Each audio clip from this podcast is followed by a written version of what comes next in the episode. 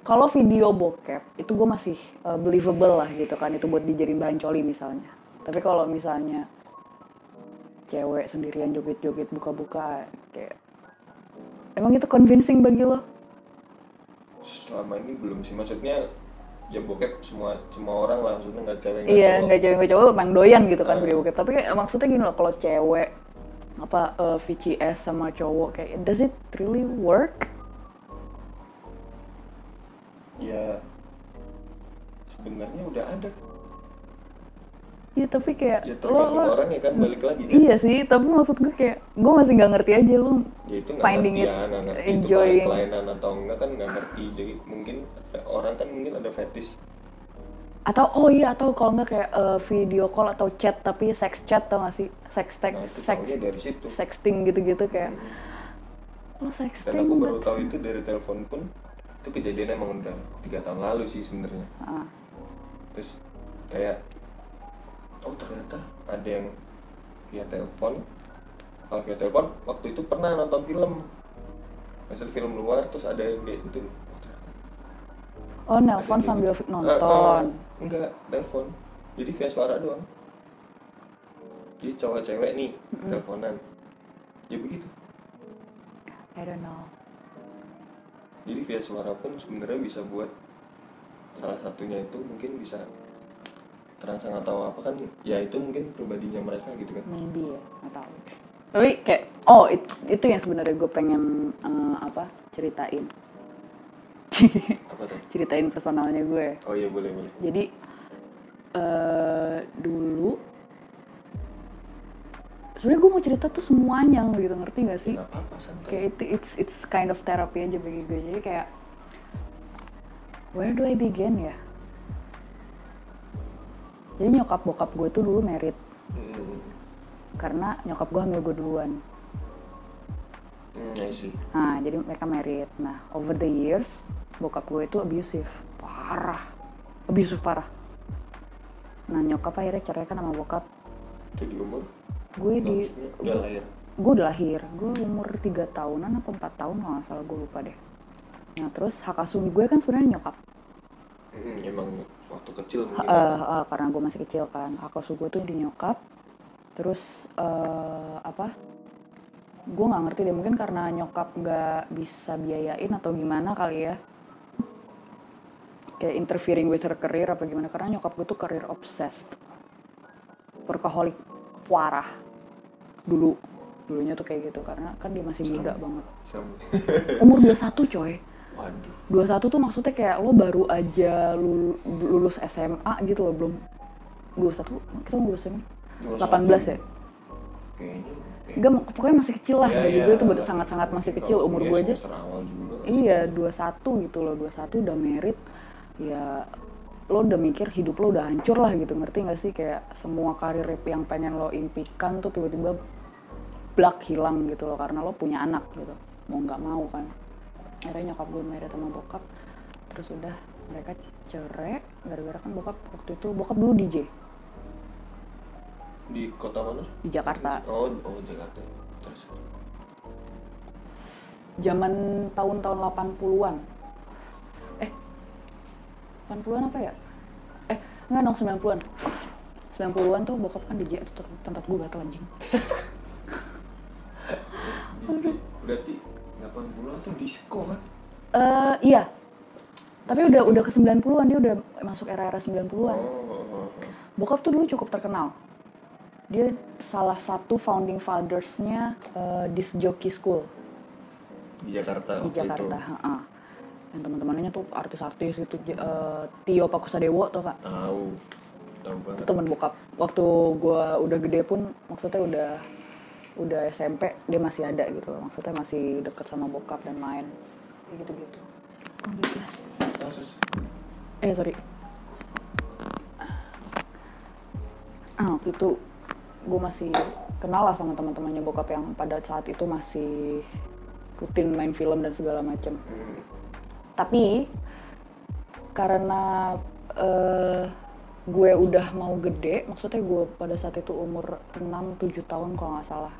Bokap tuh udah kayak, eh enggak enggak, sebelumnya, jauh sebelumnya. Gue udah lahir. Mm-mm. bokap tuh mikir dunianya dia tuh nggak cocok buat seorang ayah ngerti nggak lo oh iya iya berarti karena kan dia DJ terus ada alkohol dugem segala macem Iya. gitu loh dia mikirnya dunia itu tuh nggak cocok nggak cocok buat buat jadi parent gitu pada saat itu terus eh perlu lagi ya akhirnya dia berhenti jadi DJ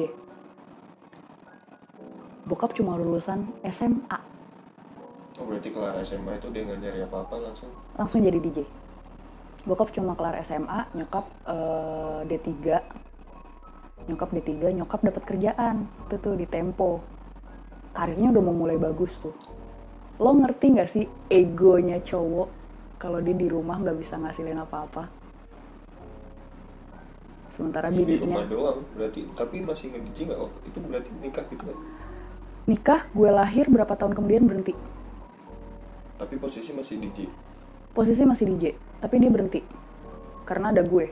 Ngerti nggak lo? oh waktu lu lahir berhenti Heeh. berhenti dari DJ dan yang yang kerja Nyokap. nyokap oh Nah, di situ egonya dia kesentil. Karena udah berapa berapa tahun dia nganggur nih.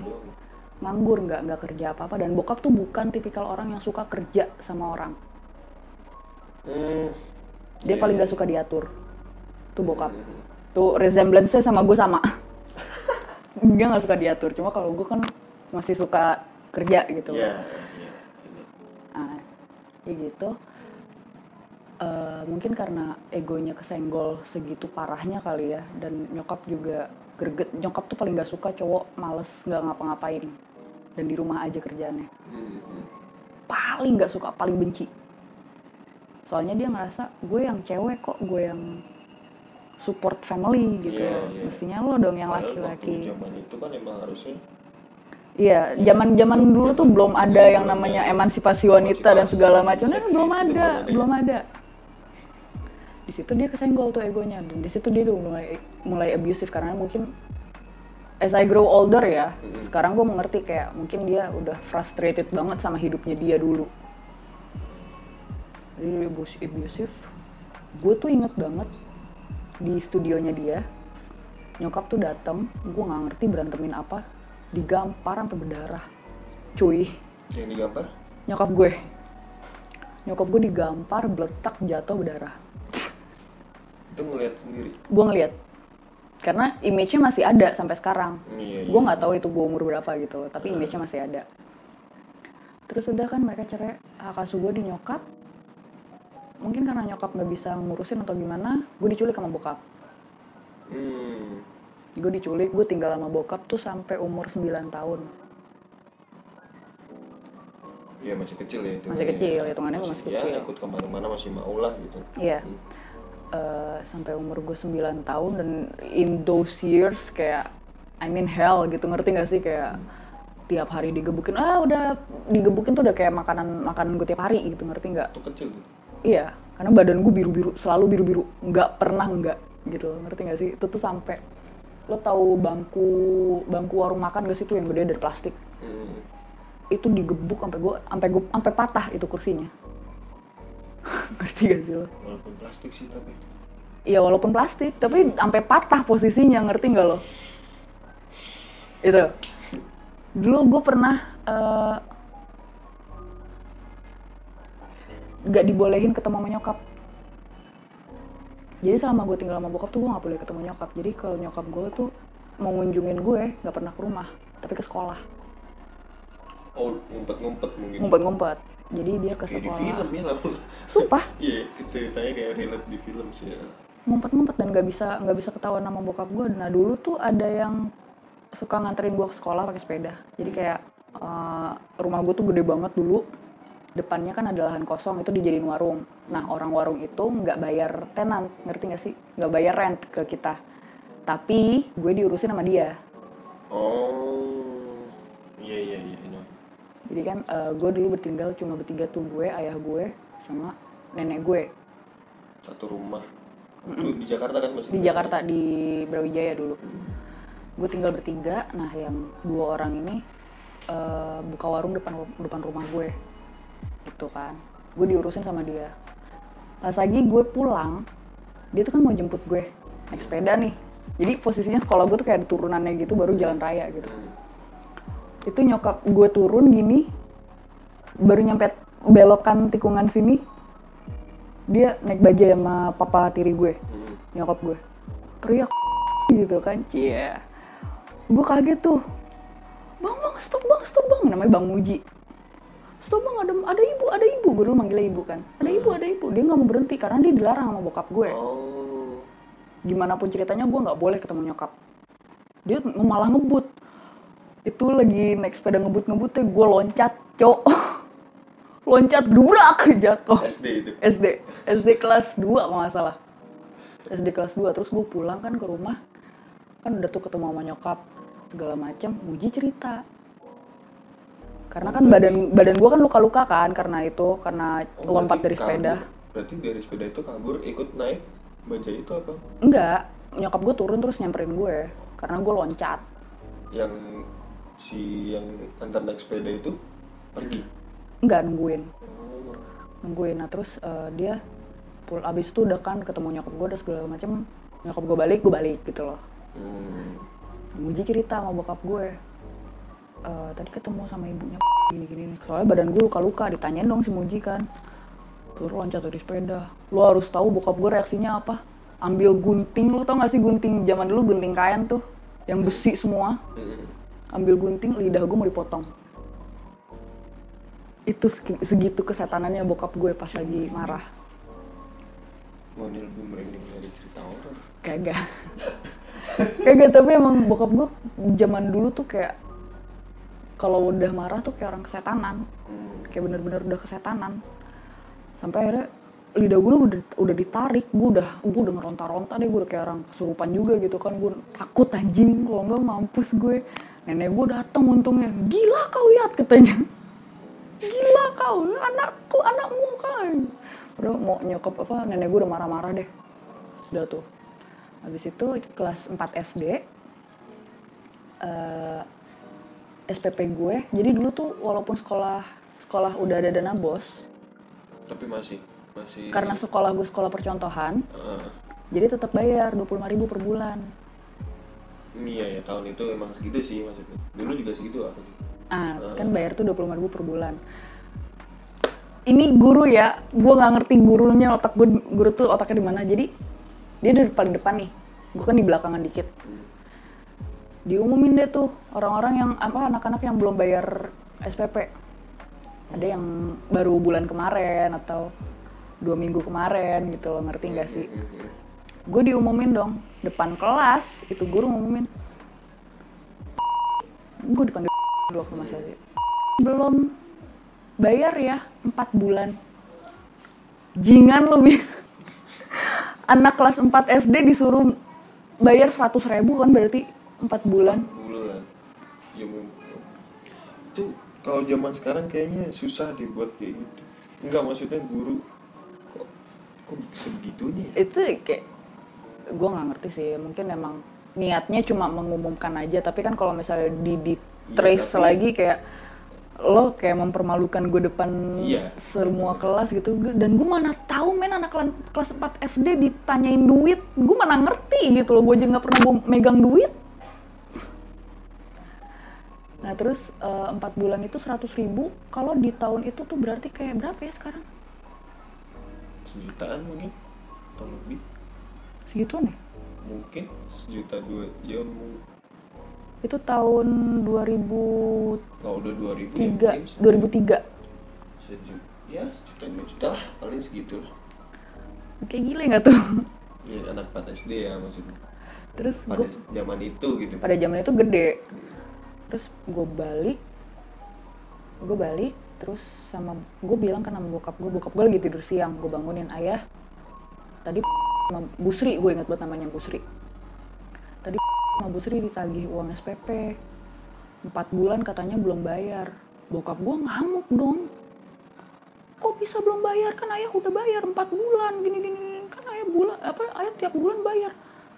Gue lu bayar dari mana anjing? Ngasih gue duit aja kagak pernah ya dan maksudnya zaman itu juga waktu kecil kan ya nggak ngerti dia bayar atau enggak gitu loh maksudnya Iya Ngerti kalaupun kalaupun dia kasih gue duit, gue gue, gue kayak what can I do? Maksudnya anak 4 SD dikasih duit Hmm. kalau 25.000 ribu itu kan banyak Hmm. pada saat itu. Hmm. Gue mau beliin apa coba? Kalaupun gue tilep, ngerti Iya nggak sih? ya nggak tahu sih Gue ke warung aja nggak pernah. iya iya iya. Dan itu es teh masih 250 perak. Ya kali gue minum es teh sampai gue kembung. Udah, gue diomel-omelin itu segala macam. Gue udah, gue ah, udah digebukin parah-parah segala macam. Gue telepon nyokap gue. Gue bilang, "Eh, ayah bilang belum bayar SPP 4 bulan. Kayak gitu. Nyokap, nyokap gue ngamuk dong, marah. Akhirnya di itulah gue waktu itu gue mau les ke Primagama ya udah kamu berangkat aja les. Nanti ketemu ibu di sana gitu kan. Akhirnya udah eh, nyokap gue jemput gue tuh di Primagama gue di, tanpa sepengetahuan. Tanpa sepengetahuan bokap.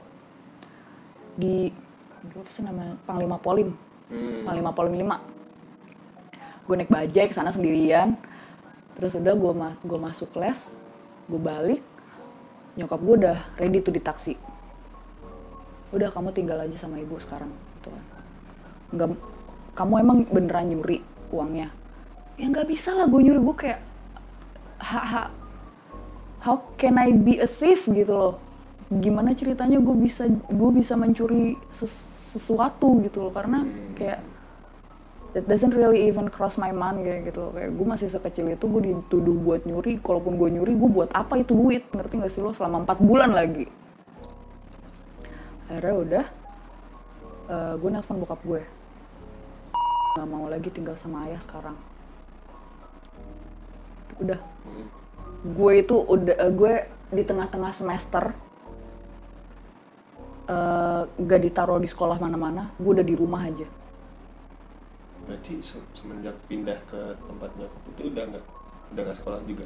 Gue pindah nanti sekolahnya. Tapi Oh. untuk beberapa bulan itu gue benar-benar gak sekolah. Hmm. karena itu gue posisinya lagi dicariin kan. Iya gue lagi dicariin Iya. bokap. Jadi gue nggak gue ditaruh di rumah paman gue di rumahnya kakaknya nyokap gue. Karena kalau apa karena kan bokap pasti nyari ke tempat nyokap kan. nyarinya pas pertama kali ya. Ah, nyari ke tempat nyokap kalau nyari ke tempat nenek gue dari nyokap. Hmm. tapi karena gue nggak dari sana gue di rumah bude gue pada saat itu. Ada udah di hari pertama gue eh, dijemput sama nyokap gue tahu nggak lah yang dia bilang apa pertama kali ke gue? Ibunya ibu sebenarnya udah nikah sama papa. Sama om. Gue waktu itu masih manggil, manggilnya om. waktu itu loncat dari sepeda itu udah bareng? Udah udah bareng sama om. gue kira masih pacaran atau masih temenan I have no idea what that is gitu kan. Ternyata nyokap bilang dia udah nikah sama itu orang waktu itu bagi gue itu masih completely stranger gitu. Ketemu sama gue cuma sekali dua kali gitu loh. Manggilnya masih om juga kan? Manggilnya masih om. Sampai sampai dia merit pun beberapa bulan gue masih manggil dia om. Karena gue dari di gue di gue tuh kayak eh, Iya sih, susah. pada saat itu pemahaman gue soal marriage masih sedikit. Ngerti gak sih? Marriage bagi gue tuh cuma bokap gue sama nyokap gue. Udah that's it. Nggak ada lagi gitu loh tapi ternyata mereka mm, apa merit lagi gitu kan. Dan gue nggak tahu dan oke sepengetahuan ya. that's news gitu. Udah. Nah terus pas lagi apa min- mau mindahin kakak gue surat cerainya itu udah udah gue umur berapa ya?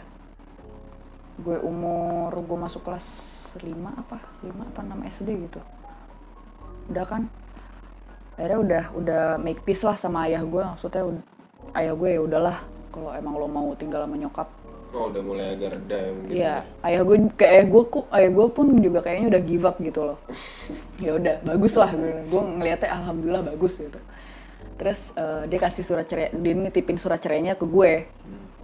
Dan ternyata bokap gue itu alkoholik, tukang ngeganja, tukang narkoba. Dan itu salah satu alasan kenapa nyokap gue mau ceraiin dia. Oh Dan di situ gue baru sadar, oh pantesan bokap gue kalau marah tuh kayak orang kesetanan tuh karena ini. Ngerti gak sih lo? oh efek dari itu itu sebenarnya. Sepertinya, gue ngerasanya itu. Dan di case keduanya itu, nyokap gue lagi hamil gue umur 5 bulan kalau nggak salah. Ditendang cuy perutnya Itu cerita sama bokap gue. Nggak ada di, ada di surat cerainya, gue baca. oh oh iya oh surat cerai itu isinya? Surat cerai itu isinya kayak beberapa alasan atau case-case yang bikin si penggugat menceraikan tergugat gitu. Dan baru putusan-putusannya. tahu baru tahu. Itu gue bacanya itu sih. Udah gue nggak tahan kan gue nggak tahan bacanya ya udah gue tutup dah udah amat gitu. Suka skala deh. Terus eh, hamil nih. Nyokap gue hamil lagi. Adik gue. Habis nikah itu? Habis nikah hamil adik gue eh gue masuk kelas 5-6 itu gue nggak selalu akur sama nyokap gue ternyata. Mungkin karena emang gue terakhir bandel kali ya. Hmm. emang gue bandel banget dulu tuh kayak gue main sampai jam berapa terserah deh tuh. Gue sampai sempet dikunciin di luar. Semalaman sumpah gue sempet dikunciin ke- di luar gara-gara gue nggak balik. Nggak balik sampai jam 10 udah.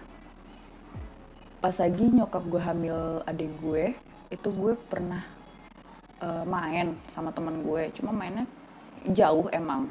Dari Tebet ke Kalibata. Eh enggak enggak jauh. Jauh. nggak jauh-jauh juga Nggak jauh sih sebenarnya. Kalau kalau gue umur sekarang ya tapi kalau seumuran anak kecil jauh. Jauh jauh banget anjir belum ada apa-apa juga waktu itu ya. gue naik angkot kok. Ada angkot. Oh gue naik angkot. Dan ngerti angkot gitu loh ya terus kan di nyokap gue nyariin gue kan ditanyain lah ke temen gue putri ke mana? gitu ke Kalibata ke mall Kalibata sama teman-teman gini-gini segala macam pulang-pulang gue digampar sama nyokap gue nyokap gue seumur umur gak pernah ngegampar gue itu pertama kali. Itu pertama kali. Dan posisinya mungkin karena hormon kali ya hormon dia lagi hamil dan segala macam dia ngegampar gue tahu nggak lo? Kata yang keluar di mulut dia apa? Mama nggak butuh kamu mama masih punya adik. Kamu kalau mau pergi pergi aja itu sakitnya sampai sekarang gue masih inget jadi kayak apa ya that that tone of resentment. Kayak penolakan gitu loh dari dia. Sementara dia orang yang paling gue apa ya gue gue perginya ke mana lagi kalau bukan ke nyokap gitu Iya, loh ngerti iya. gak sih lo? Di situ gue kayak oh oke. Oke gue cukup tahu aja lah. Akhirnya gue putuskan untuk SMP gue masuk pesantren aja serius? Iya. Karena gue nggak mau deket-deket sama dia. Gue pesantren. Percaya nggak baru tahu. Najis gak sih? Ah, gila so ternyata anak pesantren. Bikin malu. Udah tuh terus gue mulai pesantren dan di situ gue eh, merasakan comfort of living by my- myself gitu loh. Tanpa adanya orang tua tanpa adanya tuntutan dan segala macam stresnya keluarga gitu ngerti gak sih? Dan di situ gue sangat peaceful banget. Eh, peaceful dalam artian gue nggak perlu mikirin mereka. Karena yang di pikiran gue main aja mulu ngerti gak sih? Anak SMP kan maunya main mulu ya. Ya. terus SMA SMA gue balik lagi tuh ke rumah. Gue nggak nerusin pesantren kan berarti mondok mondok kan berarti kan? Mondok SMP kan gue pesantren mondok.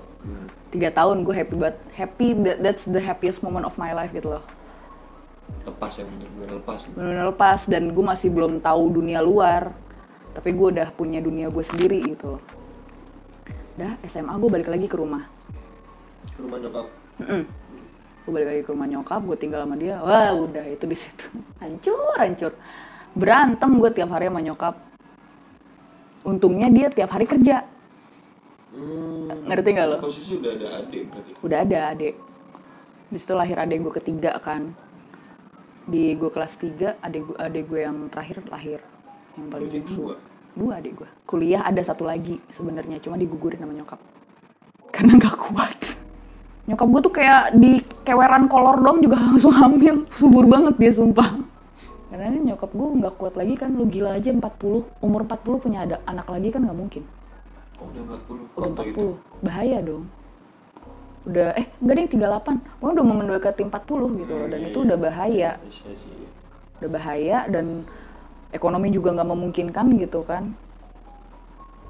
Tenaga dia juga udah udah terkuras habis karena dia sebenarnya kalau menurut gue bukan bukan tipikal apa ya perempuan yang motherhood banget gitu ngerti gak sih?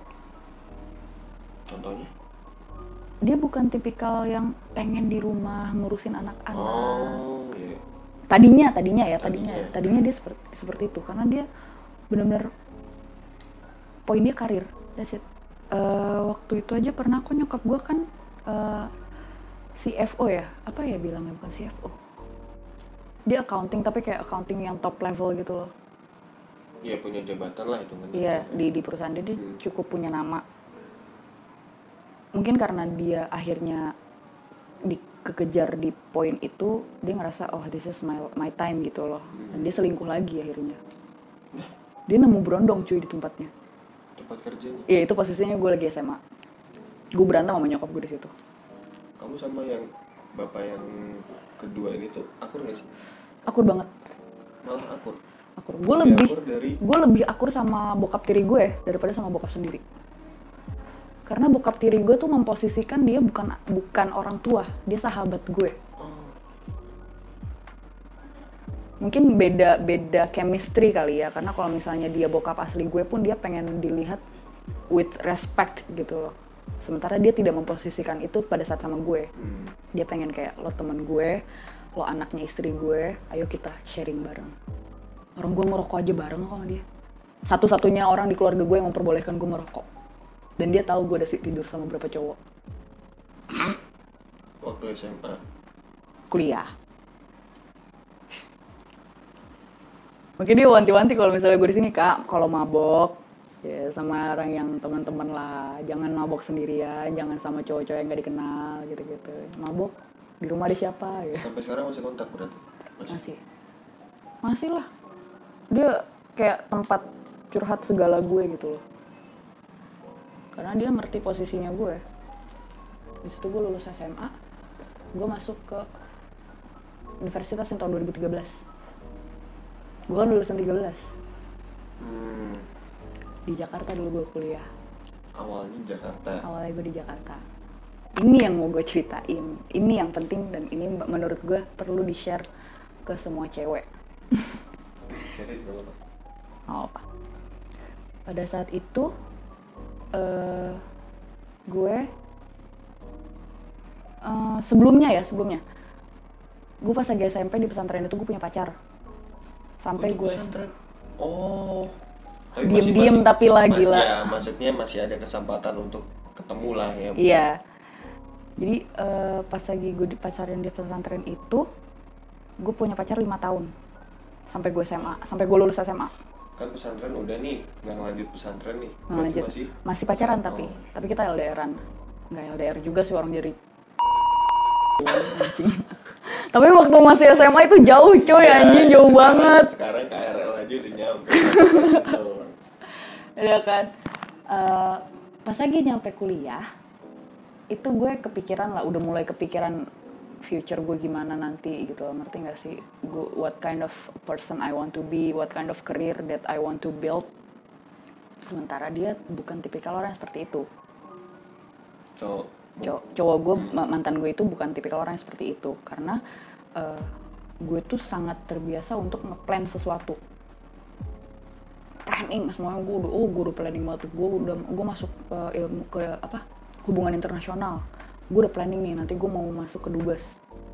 Gue internship dulu di kedubes berapa lama abis itu gue mau ap- apa mau naik jabatan lah gue pengen pengen represent Indonesia di luar negeri segala macam udah di luar negeri gue mau ambil S2 wah gue udah planningnya semua udah mantep deh gitu kan.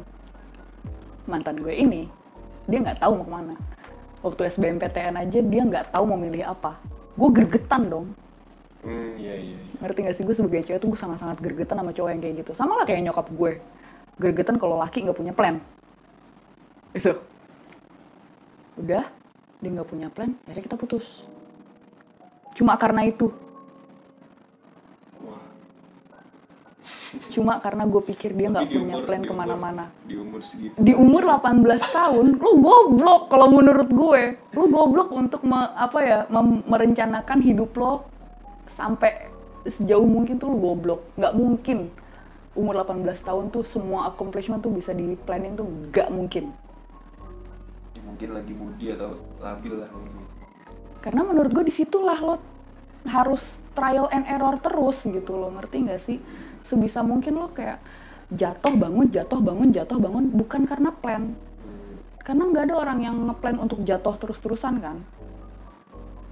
Sementara salahnya gue di situ gue udah mikirin plan. Dia enggak tuh akhirnya kita putus. Kita putus gue masuk. Gue ketemu nih sama satu cowok. Yang menurut gue pada saat itu ya eligible lah. Ngerti nggak sih? Eh, itu masih di Jakarta kan berarti? masih di Jakarta. Dia orang Aceh. Dia orang Aceh. Jadi di pikiran gue orang Aceh oke agamanya bagus. Hmm, iya. Pertama kali sih di Aceh ya kan agamanya bagus dan segala macem bla bla bla. Eh, ngambilnya kursnya manajemen. Why not? Gitu kan. Terus dia udah dia udah punya plan sebenarnya. Nah itu yang gue suka dari dia. Dia punya plan. Dia mau bikin perusahaan dia mau bikin eh, apa real estate gitu gitulah pokoknya dia pengen terjun ke dunia properti kayak bokapnya. Nah itu yang gue suka. Dia punya plan pada saat itu. Gila kita pacaran kan? Tatatatata pacaran lo tau lah kalau pacaran kita ngapain ya ya kali punya bibir dipakai cuma buat ngomongin orang ya ngerti kan lo Iya, oke oke oke oke Udah. Akhirnya eh dia tuh apa ya? Ternyata dia tuh hyper. sebelumnya belum tahu malah Sebelumnya gue nggak tahu. Gue kira kayak you are the only one for me dan eh, monogamy and everything gitu-gitu loh. iya iya iya Naif dan stupid sih kalau menurut gue, goblok sih kayak lo langsung percaya aja ke orang. karena background dia mungkin awalnya Iya, Aceh. iya. Gue kepikirannya seperti itu. Ternyata tidak. tidak sama sekali, guys. Ternyata dia hyper hyper parah dan dia sampai open BO gitu-gitu. Iya, ternyata dia sampai open BO di saat masih pacaran. Di saat gue masih pacaran. Dan itu sempat ketahuan sama gue berkali-kali. Literally berkali-kali. Eh, dia tuh sampai sama tante-tante. Tapi dia bukan ngejar duit tantenya. Mending kalau ngejar duit tantenya si goblok anjing bagi dua sama gue kagak. Dia yang bayar tantenya malah. Iya. Bajingan emang. Kagak. Ya jadi kayak lah goblok banget sih. Eh dulu tuh ada namanya kayak aplikasi live streaming chat gitu. I have no idea how that works. Kita have sex. Dan ternyata direkam sama dia. Itu beda beda cowok lagi? Enggak. Beda? Enggak masih sama cowoknya itu yang dari Aceh. Ada aplikasi? Live streaming something mungkin kalau sekarang kayak kayak Bigo Kayak kali ya? Bigo. Heeh, kayak Iya, gi- kayak Bigo. gitu kali ya dulu. Eh nih tapi bukan Bigo gue nggak tahu apa namanya. Hmm, dan ternyata itu dia rekam. Dia rekam pas lagi kita having sex. Ke blow up lah di live streaming tersebut. Gue nggak ngerti how that works. Gue buta banget komputer so I have no idea. Ke blow up Eh, posisinya itu kan kita masih pacaran tuh. Walaupun dengan berkali-kali dia seperti itu sama orang lain I forgive him anyhow gitu loh. Karena bagi gue kayak nggak ada lagi yang segitu acceptance acceptance banget terhadap gue gitu loh. Ngerti gak sih? Nggak ada yang menerima gue dengan gue gini adanya. Iya iya. Gitu. Jadi ya udah gue kayak stuck di feeling bahwa ya udahlah mungkin emang gak ada lagi yang mau sama gue ya udah gue terima yang ini aja why not gitu loh. Goblok gak sih? Ya kalau sekarang sih bisa ngomong begitu. Karena self worth gue tuh apa ya bagi bagi gue tuh dulu self confidence gue bener payah banget sak banget. Untuk mencintai diri gue sendiri tuh gue nggak bisa. Mungkin sampai sekarang gue masih uh, trying to work on things ya. Hmm, tapi pada saat itu itu benar-benar kayak ada yang nerima gue dengan gini adanya aja tuh udah lebih dari cukup. Ya ya ya waktu itu menurutnya mungkin kayak gitu. Iya. Yang mungkin bagi gue anjing itu standar banget goblok gitu. Iya sekarang sekarang iya kan? sekarang gue mikirnya kayak gitu. Cuman dulu tuh kan gue nggak kepikiran sampai sejauh itu gitu loh. Gue masih naif masih stupid masih tolol gitu. Terus akhirnya ke blow up di live streaming itu. Satu kampus. Geger. Oh itu kalian satu kampus ya? Satu kampus satu kampus itu geger. Temen gue ngasih tahu itu beritanya di hari ulang tahun gue ke 20 gue kira dia mau hubungin gue mau minta buru-buru gue ke kosannya dia buat ada surprise. Iya. Ya ada surprise-nya itu. Iya excited lah maksudnya berangkat ke kos iya. Surprise-nya adalah kamu tahu ini enggak gue buka linknya itu hati gue mencelos itu kayak jan- jantung gue tuh kayak copot langsung ke perut gue tuh gak sih kayak. Posisi di rekam itu nggak nggak nggak nggak tahu. I have no idea. I, I don't know. Gue kira tuh kayak gue tahu maksudnya gue tahu itu direkam tapi kayak direkam yang buat fun gitu loh ngerti nggak Iya, sih? yang bu- pribadi lah. Iya, maksud gue tuh bukan kayak yang bukan tipikal yang mau di share ke mana-mana. Akhirnya mulai deh tuh segala teror udah mulai masuk ke gue. Kayak lo tau dulu kan ada ASFM, iya iya iya lo bisa asking anonymously gitu kan. Hmm. Di ASFM itu ada yang nanya ke gue, punya video bokep ya 1 jam 24 menit.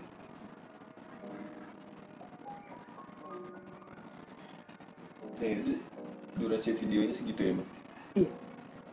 Kadang gue pikir anjing satu jam keren juga ya gue mainnya anjing. jam cuy. Satu jam setengah. Pernah nggak lo main satu jam setengah? Belum pernah kan?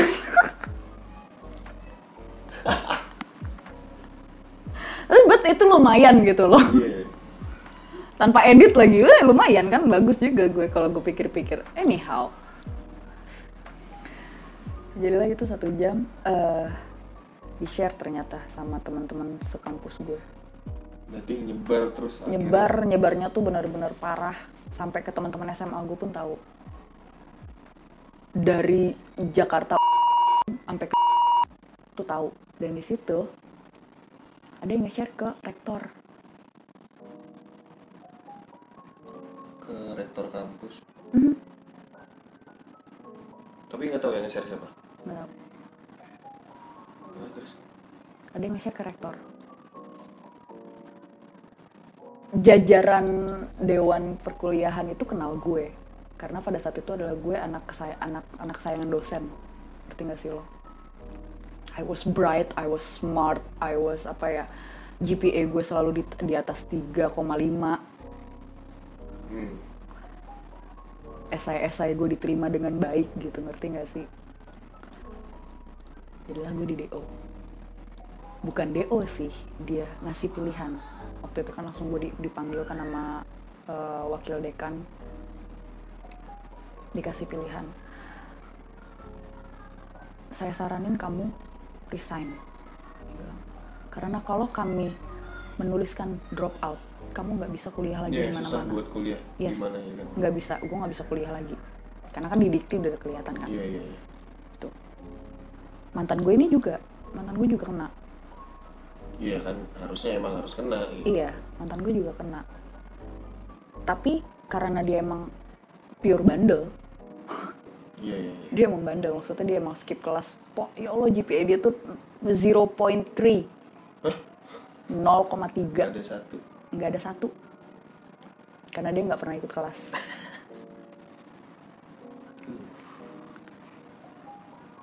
dia emang udah kayak dicuekin gitu lah sama dekan kan terserah lo mau DO mau resign bodo amat gitu. Tapi pada saat itu gue ditawarin beasiswa.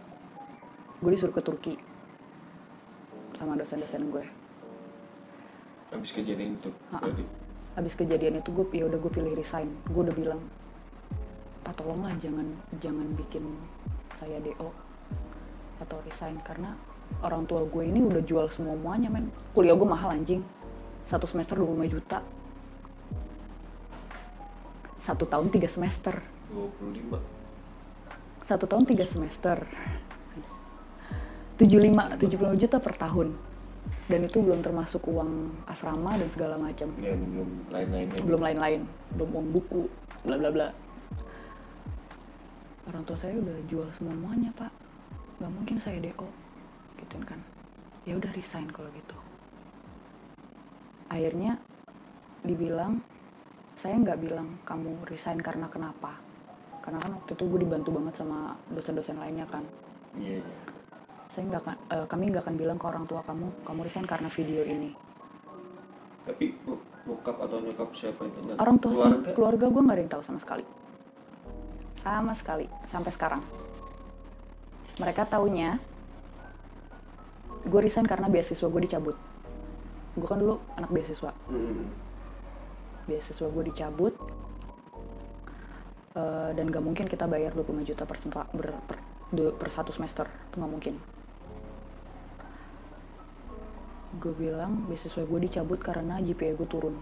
Jadi 2, koma something. Ya itu problem sih kalau beasiswa ya. Iya. Karena pada saat itu gue juga kerja. Jadi gue bilang lah karena gue kerja jadi Oh, kinerja iya, gue jadi- turun dan segala macam. bisa jadi alasan gitu ya Iya. Di situ gue masih masih ke safe lah. Dan gue ditawarin beasiswa ke Turki. Gue udah di di return apa di kasih rekomendasi recommendation letter untuk kasih ke pihak beasiswa Turki itu. Waktu itu gue mau apply ke Ankara. di Turki juga Iya, di Ankara di Turki, yes. Tapi pada saat itu gue mikir gue nggak mungkin ninggalin mantan gue ini di saat-saat seperti ini. kok masih mikir itu sih I have no idea. Goblok kan gue.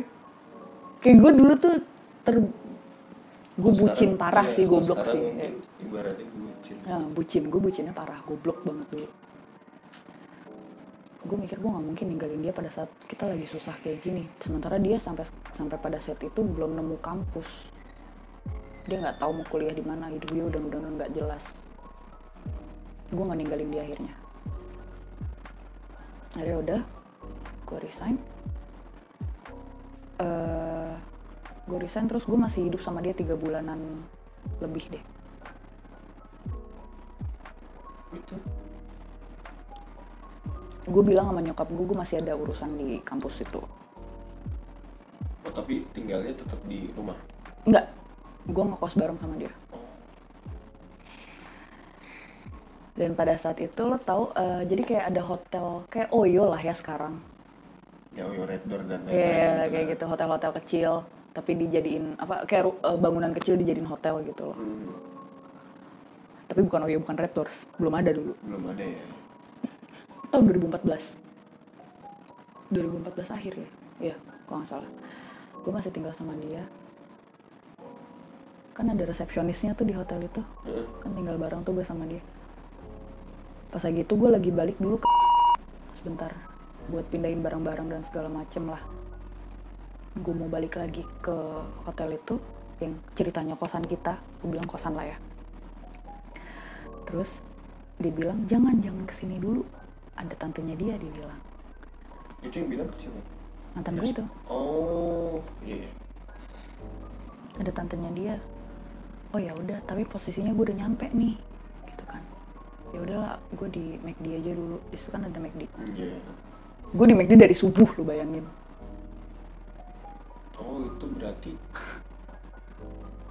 sampai siang. Sudah ada kabar gitu? Gak ada kabar. Gue sampai tidur di musolanya kok. Gak ada kabar. Dibilang ada tantenya ya udah loh gue mau gue mau gimana lagi? Gitu. Ternyata pas lagi dia udah dia waktu itu mau otw ke Aceh jadi gue datang itu ceritanya mau saying goodbye lah. Ya perpisahan lah gitu. Ha-ha. ya. tapi posisinya kita emang masih pacaran. Cuma gue mikirnya itu ya udah LDR aja gitu mau diapain lagi. Ternyata pas lagi dia udah udah nih mau berangkat segala macem kita ambil taksi kita udah mau otw bandara. Lo tau gak sih di di flyover Mangga 2 tahu tahu. Kan lagi macet tuh. Hmm. gue lagi tiduran HP-nya dia bunyi gue ambil dia ketiduran kan sebelum mau ke bandara itu dia tiduran gue ambil dia ternyata selingkuh sama resepsionis di hotel gue.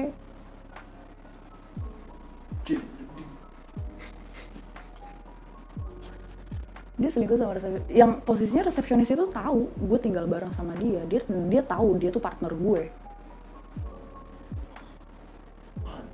Sulit sulit. Gue langsung ngamuk di taksi gue ngamuk gue lempar hpnya gue banting. Lo gila lo ya sampai resepsionis aja lo embat. Sumpah. Itu gue turun dari taksi. Lagi macet-macet di flyover gue turun dari taksi. Dia nggak ngejar gue gue pulang naik busway anjir. Gue jalan ke bawah dari dari flyover ke bawah tuh loh. Astaga sedih banget gue kayak tukang asongan keliling tuh cangkimen cangkimen asula goblok goblok. Berarti dia nggak ngejar terus ikut tetap di taksi itu. Udah di taksi itu. Gue pulang sendirian akhirnya. Dan dia dan di situ gue apa ya sadar kalau betapa gobloknya gue gitu loh. Missing out one opportunity demi orang yang seperti itu. Yang abusive. Dia juga abusive waktu itu pernah eh, gue mau jual motor kan. Gue mau jual motor buat bayar uang semesteran. Oh, waktu sebelum gue gue di DO gue jual motor karena apa dipikirnya bingung mau dijual ke mana gitu akhirnya gue jual ke dia. Dia mau beli katanya jadi kalau misalnya gue masih perlu motornya gue beli lagi aja gitu. Jadi itu motor nggak ke mana-mana.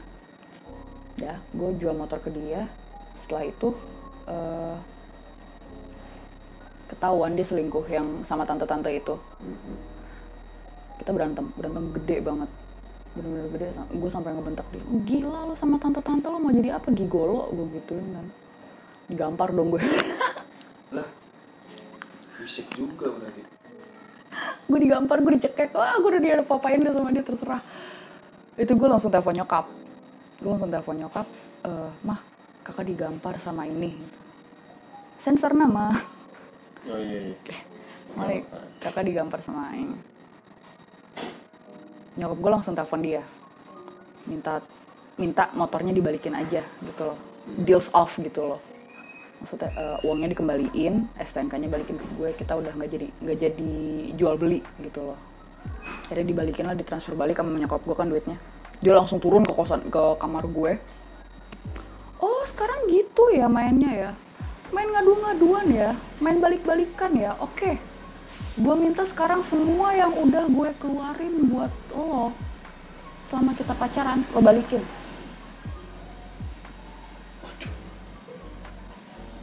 Gue mikir kayak kejadian-kejadian akhir akhir ini ya? Gue bingung gue mau balikin duitnya dari mana? Soalnya tuh dia tuh pernah bawa gue liburan Keluar 8 juta Buat weekend doang Dan 8 juta itu dia eh, bohong ke nyokapnya dia bilang ada study tour. Study itu Itu gila sih, itu kayak- nanyain ke kampusnya atau apa ya? Dinya- ditanyain. Ditanyain ditanyain. ditanyain. ditanyain. Dan kamu iya kampus bilang study tour apaan lah goblok ya. Come on study tour apaan 8 juta. Akhirnya eh, nyokapnya datang dari Aceh dia langsung itu mama aku. Gue langsung minta tolong temen gue kan temen gue ceritanya baru beli iPad. Lo bohong eh, gue minta tolong temen gue yaudah bilang aja si mantan gue ini ngilangin iPad lo. Jadi 8 juta itu buat ngeganti iPadnya dia ceritanya. Oh iya iya iya. Gue dulu sepinter itu gue sampai nge- membantu dia berbohong gitu loh. Bener-bener ngejagain sebenarnya. Iya dan bodoh gue sebenarnya. But anyhow anyhow udah kan habis itu dia balik ke Aceh. Dan I, I never heard from him again gitu. Loh nggak kontak sama sekali udah nggak kontak lagi.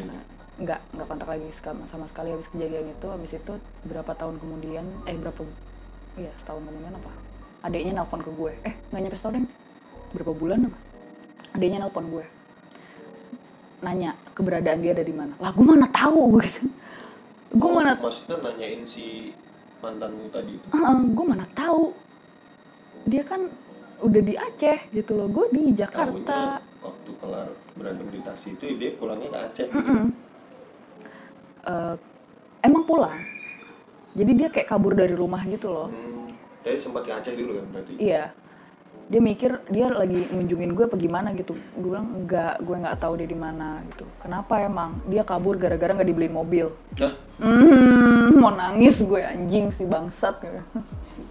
Sementara gue di sini masih struggle mau kuliah di mana gitu. Gue gue pada saat itu tuh gue belum kuliah cuy. Gue bingung gue mau kuliah di mana.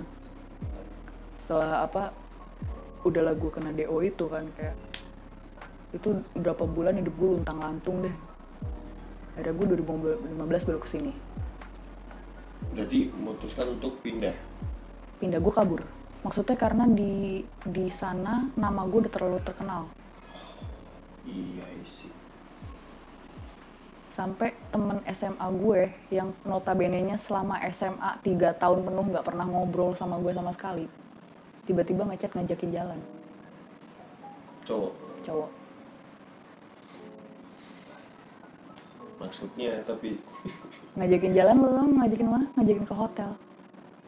And I'm like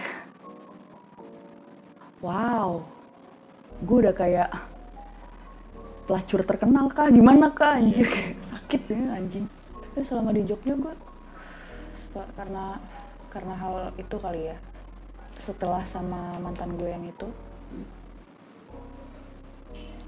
gue eh, kayak bouncing from one man to another gitu ngerti gak sih? Nyari comfort. Sama cowok lain. Maksudnya nyari di sini gitu. gue selalu nyari comfort. Dari cowok ke cowok dari cowok ke cowok dari cowok ke cowok. Karena ada hal ada ada part dari diri gue yang sangat gue benci. Sangat sangat gue benci. Tapi gue nggak tahu part itu apa entah itu pas trauma atau segala macam. Jadi many of the times gue suka self harm gue suka self harm Eh, ngekat diri yang paling banyak. Banyak. Tapi nggak pakai kan? Pakai? enggak lagi lah kalau itu gue nggak berani. Enggak enggak maksudnya kan pakai apa nih? Obat gitu-gitu enggak? nyuntik. Hah? kagak. Pertama mahal kedua gue takut ke- kena cepu Oke oke iya iya. ketiga gue takut ada yang salah di otak gue nanti karena bokap gue seperti itu dan gue nggak mau kayak dia Hmm. jadi kayak lebih natural aja Eh, sempat beberapa kali tuh gue kayak hmm, menarik diri dari lingkungan sosial kayak lo ngerti lah gue tiba-tiba muncul tiba-tiba nggak ada tiba-tiba muncul tiba-tiba nggak ada Iya iya iya. Ketika gue nggak ada itu kayak gue bener itu lagi kumat gue. Dan itu biasanya bisa berminggu-minggu. Bahkan berbulan-bulan I have no idea. Sebenarnya kalau dilihat dari luar ya fine fine aja biasa-biasa aja. Tapi nggak ada yang tahu kan behind closed door seperti apa. Behind closed door nggak ada yang tahu sebenarnya kayak gue udah nge-planning segitu apa ya segitu detailnya of how I want to die. Gak ada yang tahu bahwa di otak gue ini, di imajinasi gue ini, sebenarnya gue udah planning untuk pakai kabel lampu-lampu gue buat gantung diri. Gak ada yang tahu gue udah nulis suicide note Itu dan masih gue simpan. Iya. Dan lo taunya gue di selama ini baik-baik aja kan? Ya tahunnya itulah Kayak ya main kita main maksudnya nongkrong saya mungkin kita karena jarang juga kan maksudnya Iya, kita cuma jarang ketemu. Hmm. Tapi maksudnya di sosial media, di apa ya? Orang di, di bahkan orang real life pun nggak ada yang tahu gue seperti itu. teman dekat tapi ada tapi Temen deket pun dia tahu gue suka self harm, tapi dia dia tahu sih tipikal gue gue nggak suka cerita sebenarnya. Hmm. Jadi kalau gue belum cerita dia nggak akan nanya. Dan ini makanya gue pengen pengen share karena gue pengen eh, orang-orang tuh lebih apa ya? Yang pertama message-nya gue pengen sampein bahwa perempuan please jangan goblok. ya sadarnya mungkin sekarang gitu ya Iya. Jangan goblok dalam artian gini, lo boleh aja have sex sama siapa aja terserah, that's your business. Tapi yang pertama jangan direkam. you will regret it trust me. Apa pun alasannya ya. Apa pun alasannya jangan direkam. Jangan difoto jangan direkam. That's it. Pertama keep it private. Lo mau trisam lo mau gengbeng bodoh amat. Jangan direkam titik. Yang kedua as my experience grow richer richer more rich okay. uh, I would consider myself uh, have a rich experience on men dan ngelihat uh, fenomena-fenomena di Twitter yang spal spill spal spill Iya, yang I know, iya makanya. Makanya tadi kan ngomong kayak apa? Kayak masalah-masalah di Twitter Iya. akhir ini kan. Iya. Pertama adalah jangan salahin cowoknya. Salahin kenapa lo mau? Lo udah gede, lo udah punya otak, lo lo lo, lo dikasih akal, dikasih pikiran, kenapa lo mau? Dan kalau lo patah hati dia ninggalin lo, ya bukan salah dia karena semua orang punya pilihan. Semua orang berhak untuk memilih yang jauh lebih baik dari lo. Pacar lo. Udah tunangan, udah apa segala macam. Lo merit aja dia masih berhak milih buat yang jauh lebih baik daripada lo kok. Apalagi yang pacaran. Why not? Karena belum terikat walaupun walaupun yang terikat aja bisa kayak gitu. Iya. Yang puluhan tahun nikah pun bisa cerai karena ada yang lebih baik dan itu pilihan dia. Why not? Lo nggak punya hak untuk spal spill spal spill identitas dia karena itu salah lo sendiri goblok. Kenapa lo mau? Kenapa lo percaya? Kalau lo nggak ready dengan konsekuensinya, jangan lakuin. Gue punya cerita lagi. Kalau ini soal mabok ya. Hmm. Tapi kan pada saat itu gue mabok, gue nggak sadar apa-apa dan segala macam. Eh tolol. Tapi sebenarnya jujur kan gua aku sebenarnya enggak sebenarnya aku tuh bukan orang yang minum Mhm. dan emang nggak minum sih maksudnya paling mentok paling bir lah Iya. yang beralkohol semabuknya orang itu masih ada sadar nggak sih Semabok-maboknya orang ada self control, ada sadarnya, ada ingatan setidaknya. Dan lo berhak untuk bilang nggak mau. Tapi gue dipaksa dan segala macam. Eh, bitch. Gue pernah mabok setepar-teparnya gue sampai gue ngejogrok nggak bisa ngapa-ngapain. Itu orang ngebuka kancing gue, gue lari, gue kabur keluar. Dengan setengah kesadaran yang masih gue punya. Dan salahnya gue lagi, kenapa gue mabok sama orang yang gak gue percaya. Sama orang yang baru kenal berapa minggu, berapa bulan. Banyak laki-laki yang tidur sama gue beneran cuma tidur. Tidur sebelahan kagak ngapa-ngapain. Gak semua laki-laki kayak gitu. Laki-laki akan kayak gitu kalau lo memberikan dia izin. Atau diam aja pas lagi dia ngapa-ngapain lo. dan padahal itu masih ada kesadaran kan Iya, dan laki-laki akan ciut nyalinya kalau dikonfrontasi. Waktu itu, eh gue juga mabok sih. Gue mabok. Eh gue tidurnya sama cowok. Tidur sebelahan. Dia udah mulai, tangannya udah mulai gerayangan tuh. Gue udah tahu tuh. Walaupun gue mabok, gue masih sadar. Hmm, orang udah mulai macam-macam deh sama gue. Tapi gue nggak mau nggak mau ngeblame dia kayak lo siapa suruh mabok gitu loh. Udah mulai gerayangan yang gue lakuin adalah gue langsung lepas baju semua plak telanjang. Gue gini lo pengen. Lo cuma pengen badan gue doang hayu. Gue bisa. Itu yang gue lakuin. Terus cowoknya nggak mau.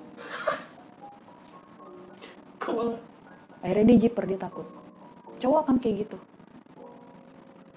tapi mungkin ada ya cowok yang malah justru lebih mungkin ada dan emang ada ketika dia udah mulai makin berani baru gue geplak eh dongo gue kira lo kira gue mau sama lu oh bikin bikin down lagi berarti cewek tuh punya power di situ. Power dalam artian lo membuka diri lo ke dia atau tidak.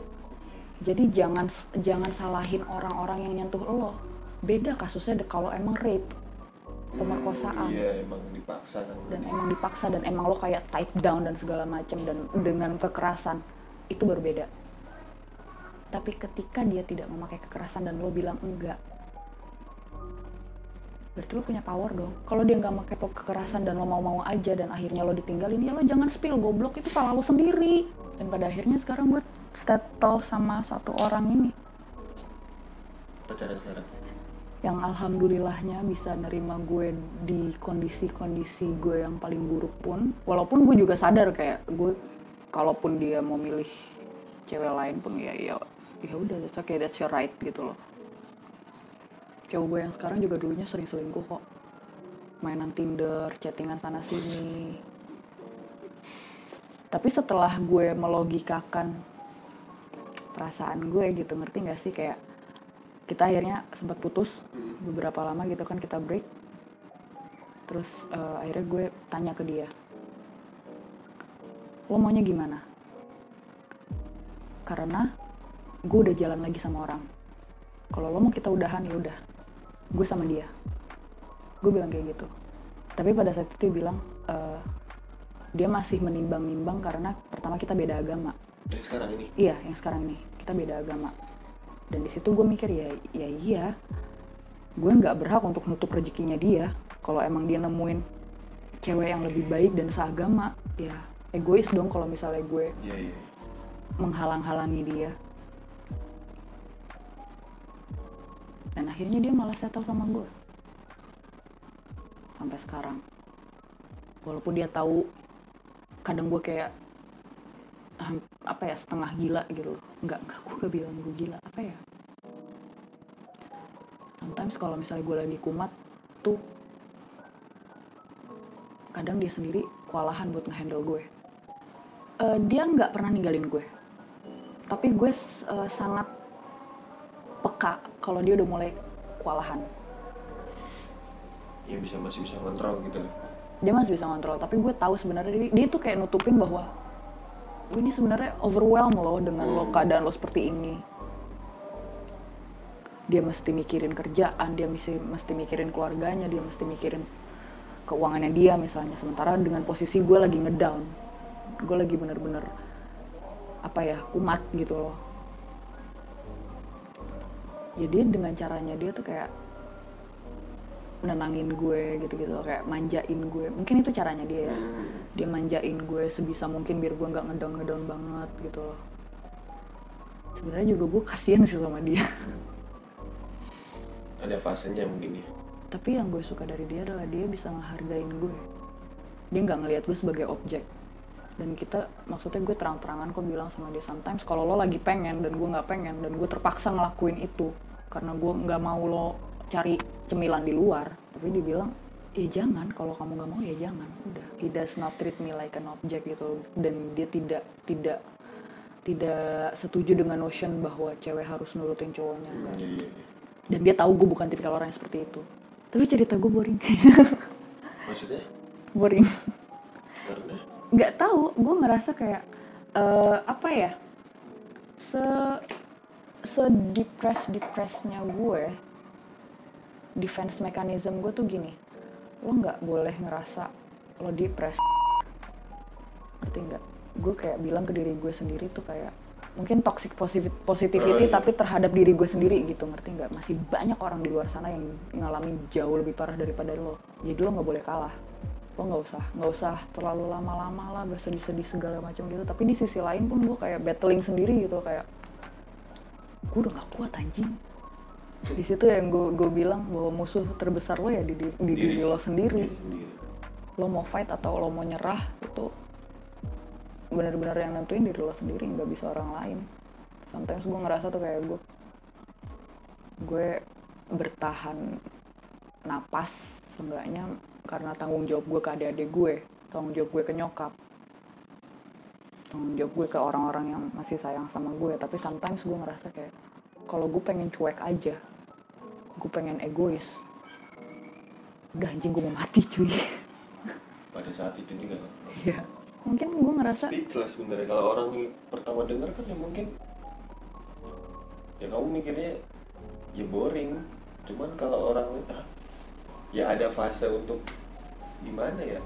Ada ya orang gitu. Gitu loh maksudnya at this point kayak di poin gue sekarang ini kayak gue nggak ngerasa ada yang bisa surprising gue lagi loh. Ngerti nggak I've seen worse I've been worse. Dan orang-orang lain pun banyak yang jauh lebih parah daripada gue. Hmm. kayak semua hal-hal yang fucked up di dunia ini tuh kayak oh I see. Oke. Iya sih ngerasanya mungkin ya karena ngalamin sendiri kan jadinya. Gue waktu itu aja sampai sempet itu kok ikutan terapi. Oh sempet ikutan? Mm-mm. jadi kayak eh, konsul ke psikolog maybe? iya biasanya sih psikolog sih. Gue konsul ke psikolog dan dia bilang tuh kayak kamu harus memaafkan diri kamu. Yang ngomongnya begitu-gitu. Iya. Denger pertama aja malas sebenarnya. Kayak "Eh, kamu harus memaafkan diri kamu. Kamu mengalami trauma yang cukup besar. Kamu mengalami penolakan dari ibu sendiri. Kamu mengalami gini gini segala macem. Dan gue kayak iya gue tahu tapi stepnya selanjutnya tuh apa gitu loh. Kayak do I have to make a ritual for myself? Kayak gue harus apa ya jampe-jampe or something. Tell me what to do man. Memaafkan diri sendiri tuh dalam segi praktikalnya seperti apa? Belum ada yang bikin praktisnya tuh kayak gimana gitu loh memaafkan diri sendiri. Apakah gue harus makan tiga kali sehari ya bagaimana motivator doang kayaknya bisa motivator mah gampang banget ngomong kayak gitu. Jalaninnya anjing susah cuy. Lu bingung lu where do you start gitu loh. Dia tahu kok. tahu dia semua, tahu. semuanya tahu. Dia tahu semuanya. Well nggak semuanya sih karena dia bukan tipikal orang yang mau nanya-nanya soal masa lalu gue. Dia nggak mau nanya kalau gue nggak cerita. Tapi eh, part yang bagi gue sangat impact terhadap diri gue sekarang seperti apa itu gue ceritain ke dia dan kadang-kadang tuh gue apa ya nggak setuju juga sih kalau misalnya dia kayak nggak bisa temenan sama FWB-an FWB-an gue dulu gitu ngerti nggak sih? Karena dia mandangnya teman-teman FWB-an gue tuh ma- eh, mantan Ma- pacar. bukan mantan pacar memanfaatkan gue Oh. memanfaatkan gue sementara gue nggak setuju dia bilang seperti itu. Mereka bukan memanfaatkan gue tapi gue emang meng- mengizinkan mereka aja. Jadi kan salahnya juga di gue iya dan mantan gue yang itu udah married cuy. Yang Aca itu? Hmm, Yunda nggak? Nggak? Enggak tapi tahu kabar tahu karena eh, lucunya ya waktu dia merit di tanggal dia merit itu gue kan tahu dia merit tanggal berapa. Maksudnya gue kan masih juga sering stalking stalking dia kan. Dia gue tahu dia tunangan dan segala macem gitu. Dan I'm uh, don't get me wrong ya gue gue bukannya benci dan dendam. Well dendam ada sih tetap but anyhow gue nggak eh, nggak membenci dia sama sekali gitu loh. Gue malah berbahagia justru. Dia udah nemuin nih cewek yang bisa bikin dia happy gitu. All the worst things that comes to us maksudnya apa pun hal buruk yang sudah terjadi di kita I still love him. Karena gue gue berpikiran bahwa gue ini I like to think that I have a really big heart. Gue suka berpikir bahwa gue ini orang yang sangat forgiving. Gue bisa menyayangi siapa aja walaupun mereka jahat ke gue jadi gue bahagia dia bahagia juga. Tapi yang gue keselin adalah kenapa pas lagi dia udah wedding day dia masih sempet sempetnya ngeliat story gue padahal kita nggak follow followan kepo. Dia masih stalking gue padahal kita nggak follow followan dan itu di wedding day-nya dia dan gue tuh dalam hati kayak goblok anjing udah lo sama cewek lo aja gitu. Udahlah don't don't mind me gitu loh. Jangan kayak gitu ke istri lo kasihan. Cukup gue aja yang tahu rasanya gimana. Iya iya Dan dia itu nggak perlu gitu loh